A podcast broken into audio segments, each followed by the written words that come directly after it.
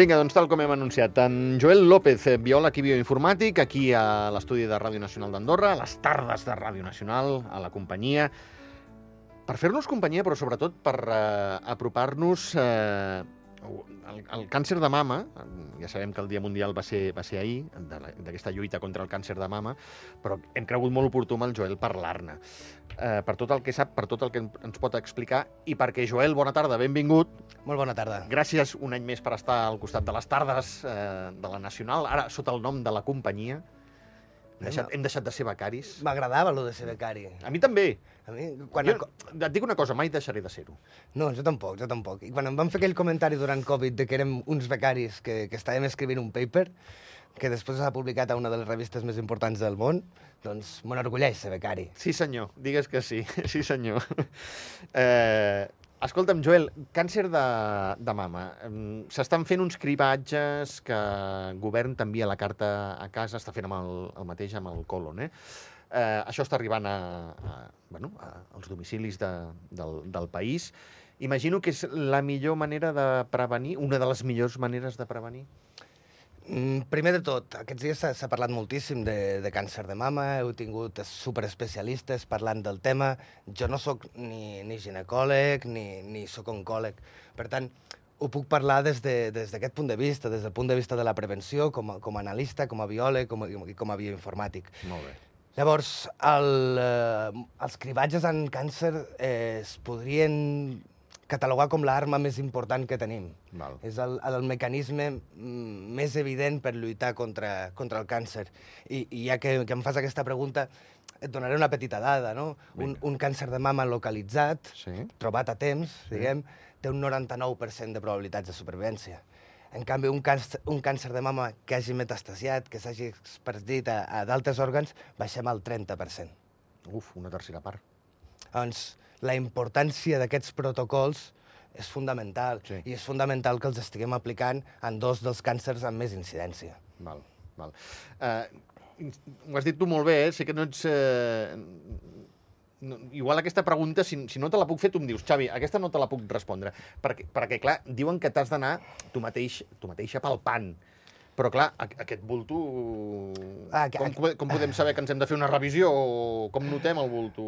Aquí tinc dificultats. Doncs, la primera és que no tinc l'experiència de... de, de ni, ni ho he fet mai a nivell professional, ni, ni tinc l'experiència.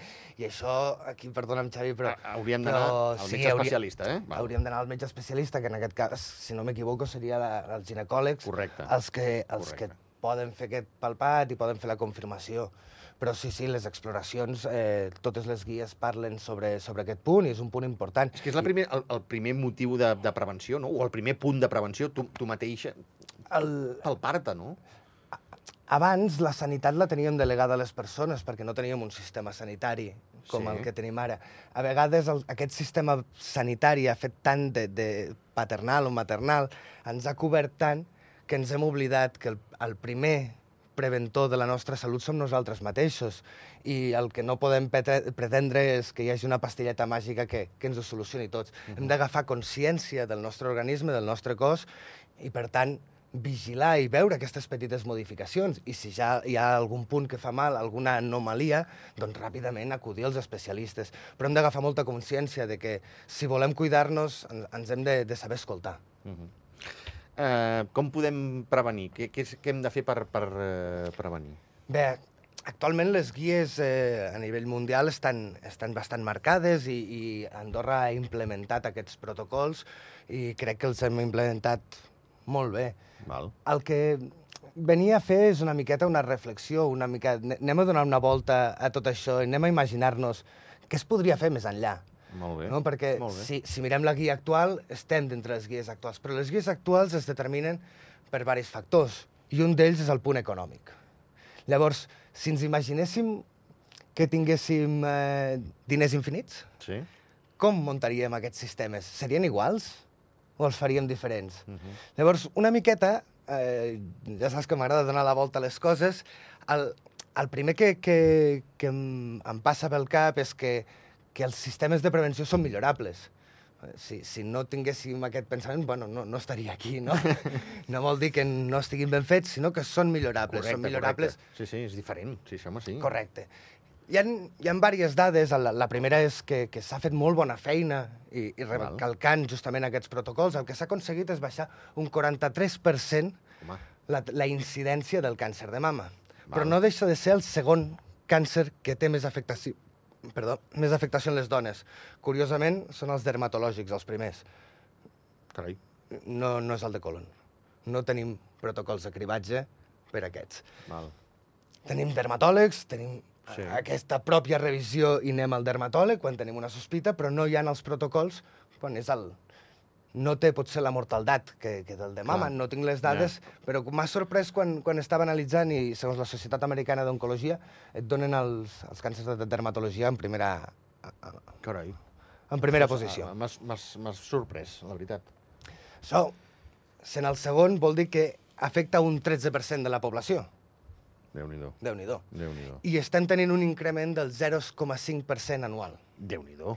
No? Per tant, ojo, No, I tant.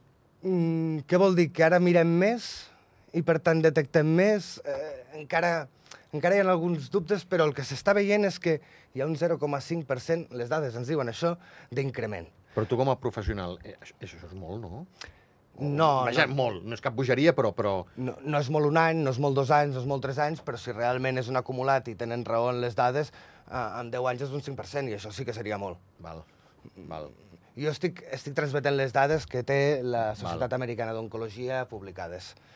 Clar, i quan les he vist m'han sorprès i dic, vaig a comentar-li al Xavi. Molt bé. Gràcies. Llavors, una miqueta també recalcar aquest punt no, del que dèiem, que en un món diagnòstic estem al 99% de supervivència Sí. i amb un diagnòstic de la regió del pit, però ja estès amb ganglis, en, però encara el tenim, el tenim controlat, ens disminueix una miqueta, però estem al 86% de supervivència, encara molt bones xifres. I tant. Ja comença, comencem a tindre aquest Els, 14%. els ganglis es veu que són molt punyeteros. Sí, Val. sí, sí, sí. Val. És, també... Però, clar, una altra cosa és quan ja s'es- hi ha metàstasis, pulmó, fetges... eh, Aquí la, la probabilitat ja ens, ens baixava moltíssim, no? Uh -huh. Llavors, en aquest exercici d'imaginar-nos un, uh, un sistema de prevenció que pogués anar més enllà, perquè no hi hagi gent que quedés en el grup 2 o en el grup 3 i tothom estigués a, amb aquesta probabilitat del 99, seria ser molt incisius en, en, en, els, en els diagnòstics. Llavors, el, el primer que s'ha amb el cap, des de la meva formació, amb el meu background, és buscar antecedents, buscar eh, indicis que em, que em permetin classificar les persones en diferents grups, en grups de predisposició, Val. i no tractar-los de la mateixa manera. És a dir, si una persona té una mama més densa o menys densa, hi ha una probabilitat diferent. Les imatges, a l'hora de fer la detecció, també no es veuen tan bé amb mames més denses. Per tant, doncs, tenim d'altres tècniques, encara que siguin més cares, que es podrien aplicar en aquest grup. Uh -huh. Com que hem pogut classificar, no ho estem fent de forma genèrica i té, té una justificació que estiguem aplicant d'altres tècniques diagnòstiques d'imatge per, per aquest grup poblacional. Val. Al mateix tenim un conjunt de gens que ens classifiquen probabilitats de que hi hagi o que apareixi aquest... aquest que... Perquè és hereditari?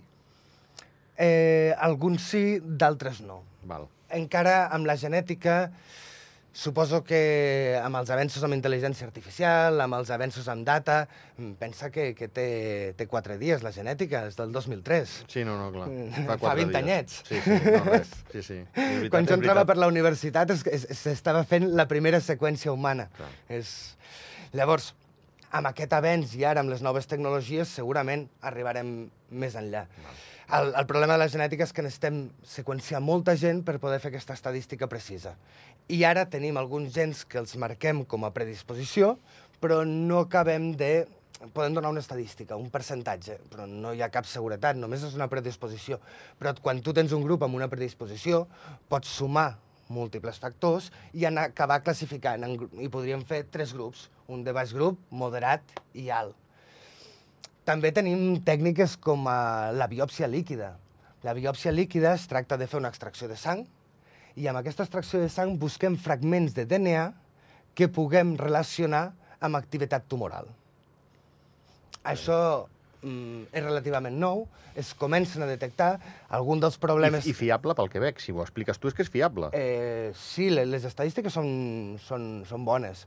Molt bé, Mm, molt bé, amb molt colon, eh, eh, amb colon l'última que havia vist està al 86% de detecció. Ah, molt bé. Mm, amb Aman no, no, no la tinc ara la, al ment, però, però podríem estar amb, amb línies d'aquest estil. Val. Per sota el 90% encara, però són, són protocols de diagnòstic. Al final, si nosaltres podem repetir o complementar amb d'altres proves, aquest 90% que ens falta el podem suplementar. No? Correcte. Què passa amb la, amb la biòpsia líquida? A vegades aconsegueix diagnosticar tumors que encara no es veuen, que són tan incipients que les nostres tècniques diagnòstiques encara no ho veuen. Bé, doncs aquí se m'ocorreix una cosa fundamental, muntar grups de control. A part de tindre el, el, els grups en funció de la, de la predisposició, podries muntar grups de controls que els hi fas seguiments cada tres mesos, sumant una bateria analítica molt important, perquè què passarà? Si el càncer s'activa, són les cèl·lules que es reprodueixen més ràpid, són les Sí. que produeixen variació més ràpid, amb la qual veurem variacions en curt temps que no serien lògiques, no serien normals. I si establim aquests programes de monitorització, sense alarmar el pacient, doncs, bueno, estem fent un control i justament és per això, perquè si mai dona positiu, puguem ràpidament rectificar i amb un tractament al mínim invasiu possible poder, eh, poder tractar-ho. Encara tota- que mínimament invasiu amb, amb, amb càncer és... Malament rai, sí. és Es, difícil, es eh? fa de mal dir. Depenent del, del tipus de càncer, sí que tenim eh, estratègies menys invasives o més, en d'altres, bueno, menys invasiu quasi és fer una intervenció i poder retirar i que s'acabi. Exacte, No? sí. Però, però bé, Escolta'm, Joel, aqu aquestes uh, revisions, uh, aquestes biòpsies que ens estàs comentant, com més jove, més s'haurien de fer, perquè les cèl·lules com més joves també van més ràpid, no? no, no té res a veure. Aquí el que estem buscant són còdics genètics que només eh, els podem trobar en, en, en, en cèl·lules tumorals. Per tant, el que Val. buscaríem aquí és aquesta activitat. I el que estem buscant són paràmetres que, per molt que siguis jove i tinguis una regeneració celular més elevada, Sí. no haurien d'estar disparats o sortir disparats. Val, val. Al final és...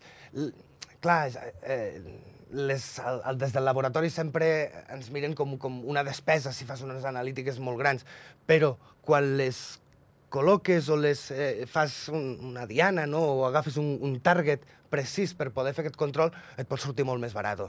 És, és la dificultat de la prevenció que implica inversió prèvia per després tindre uns resultats i que no solen ser immediats, solen ser a varis anys. Llavors, bueno, el Reddit eh, sempre és difícil en, en aquest punt, no? Clar.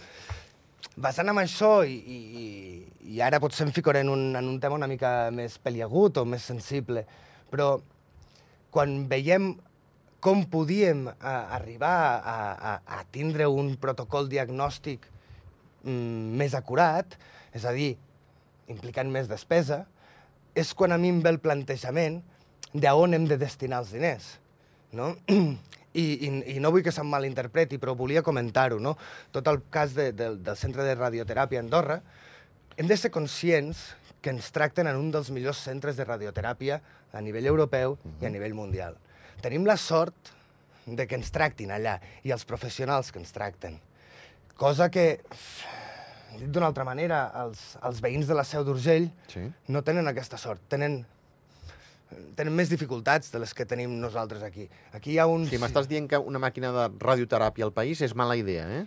No estic dient això, estic dient que hem de pensar a on posem els diners. En algo que tenim solucionat amb un dels millors professionals del món, però hi ha un problema de, comuni de comunicació, Uh -huh. és evident, o en intentar millorar aquests cribatges perquè tothom caigui el 90% i no, i no se'ns en vagin persones que tinguin una metàstasi de mama. Val. Clar, és, aquí entren les dificultats, i aquí entren les dificultats de, dels polítics, que, Sí, sí. que són els que han de gestionar els diners, i que a vegades no es veu aquesta mirada. Només era, era posar la reflexió de cap on podem anar. L'altra forma és poder tindre nous sistemes per financiar el sistema de salut. Uh -huh.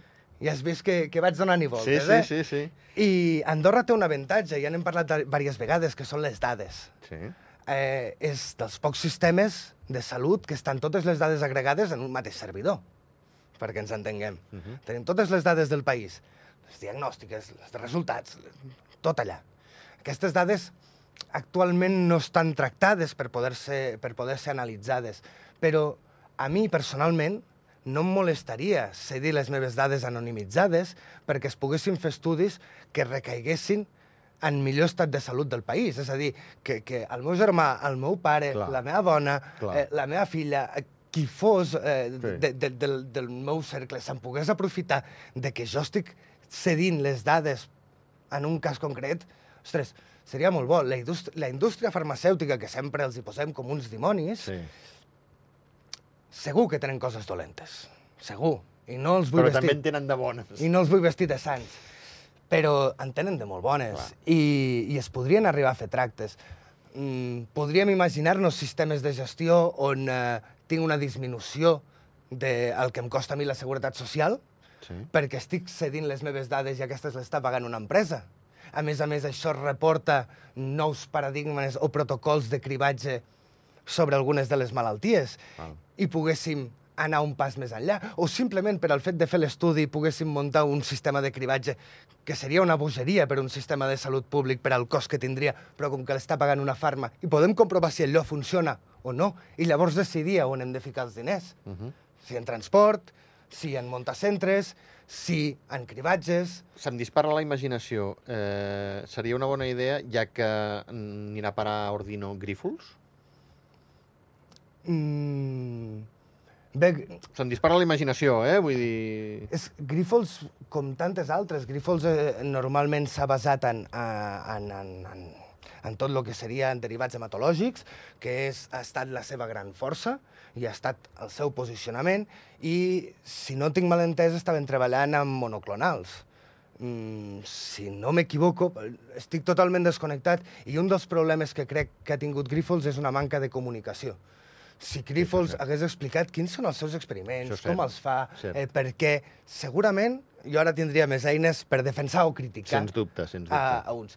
Jo, clar, quan sento que treballen amb monoclonals i entenc que els monoclonals són la solució o una de les possibles solucions per als tractaments quimioterapèutics, ostres, encantat de que vinguin a provar tractaments monoclonals, a la producció dels tractaments monoclonals, i fins i tot si podem incloure Andorra al, a l'Hospital de Nostra Senyora de Meritxell en ensajos multicèntrics combinat amb el clínic, amb Sant Joan de Déu, amb, amb qui sigui, amb, Fantàstic, no? amb Estats Units, amb, amb, amb, amb Àsia, amb, Sí, perquè als Estats Units Grífols és també... Grífols Oh! esquiers per Sí, al sí. contracte que va fer amb els exèrcits dels Estats Units a, a través dels hemoderivats. Correcte, correcte. I, és, correcte. I ha estat la seva gran força i a partir d'aquí són científics i han aplicat ciència. Mm. Llavors, si hi ha una bona comunicació i s'explica i, i s'explica què es vol fer en, en un laboratori d'aquestes característiques i s'explica quins seran els sistemes de prevenció i de control que s'apliquen a nivell públic per, pre per prevenir a la població, segurament haguessin donat una tranquil·litat i els aires serien diferents. Però moure'ns cap al sector econòmic del coneixement és bàsic per al país. És una de les coses que pot fer salut, coneixement, és el que podem treballar i podem vendre, perquè tot el que... és l'únic que podem escalar. És a dir, al turisme tenim unes carreteres, el tenim uns, uns límits, tenim una aigua, que ara també Sí, està tan de moda, sí, no? sí. I, I tenim el que tenim i els recursos són els que hi han. Per tant, si volem escalar, l'única forma és anar cap a aquestes vies. És anar cap a poder treure patents des del país que es puguin externalitzar i ens aportin riquesa i ens aportin treballadors qualificats. Mm, Crec que no és mala iniciativa. Eh, De fet, en un primer moment, Ordino, dius, ostres, és una diversificació econòmica important i, i que bé que es situïn en la banda de la ciència, no? Uh -huh. Aquest seria el, el primer pensament. Però, et dic, em falten arguments per poder criticar Val. o defensar. Val. No, no, claríssim, molt bé. Sí, per això ens agrada que vinguis. Un tio clar. És que quan no els tinc... És... No, no, molt bé, molt bé. Sí, sí, home. Sí, home. Però hi ha molta línia. Te- Tenim, tenim empreses a Andorra en, en el sector, tenim uh, empreses treballant amb, amb cèl·lules mare, fent una feina boníssima des del país. Tenim projectes d'investigació que s'estan començant a fer, tot el treball que s'ha fet en envelliment i salut. Crec que, que el país ha anat agafant i està agafant aquesta direcció i, home, jo em sento molt orgullós d'aquestes línies que estem, que estem tenint. Sé que tampoc ets economista, eh? Però com a molt tens dos minuts, eh? eh quan trigaria a revertir? Perquè dius, clar, al principi s'ha de fer aquesta inversió per fer aquest, aquesta mena de cribatge. Quan, quan, quants anys trigaria? Depèn, si ho fas per cap a la indústria farma, farma, el que tens que fer és preparar uns datasets ben fets, contractar una empresa externa que, que garantitzi i faci de sentinella per garantitzar l'anonimitat de les dades i que a mi em donin la garantia de, De que, que no es de que qui ho ha fet l'ha cagat, que almenys hi hagi una Correcte. segona avisa és divendres, perdó per les paraules. No, home, no és divendres. I, I si féssim això, aquesta seria la forma més ràpida de Val. poder tindre... És a dir, financiaríem estudis de prevenció. Que... Després, si volem aplicar d'altres models de prevenció, normalment es parla de 5-10 anys. 5-10 anys. Aquesta és la paciència que hauria de tenir un polític. Clar, el problema és que dura més de 4. I els mandats són de 4, vols dir. Però al final és fer una aposta i... Sí, Sí, és sí, igual, no? és deixar un legat. És, és una direcció. Mira, jo me'n recordo que aquesta setmana hem tingut a, a Josep Saràbia, eh, president de Sanca, i, i li deia, eh, senyor Saràbia, quants malalts tenim al país? Perquè no, no s'enganyi. Aquesta màquina de radioteràpia, estem parlant de diners, no estem parlant de salut. Correcte. Mm, és que és així, és que... Dit d'una altra manera, si la màquina no estigués a menys o a dues hores de distància, mm, seria una situació. I sé que és una incomoditat, i ho he viscut a, a, a casa, mm, ho conec perfectament, no, no, no parlo perquè sí. Eh, però ho tenim aquí al costat i tenim dels millors professionals d'Europa. Això és el que hem de valorar, doncs. Això també s'ha de valorar. És a dir, està bé eh, que hi hagi gent que, que, que, que es fixi objectius i que els apreti, els apreti, els apreti, els apreti. Almenys ens ho va recordant, però una obertura de mires perquè és una qüestió purament econòmica aquí i és... Podem salvar més vides amb aquests diners? Exacte. Hosti, quina bona manera d'acabar eh, la setmana i el programa. Joel López, biòleg i bioinformàtic, moltíssimes gràcies. A tu, Xavi. Que vagi molt bé. Bon cap de setmana.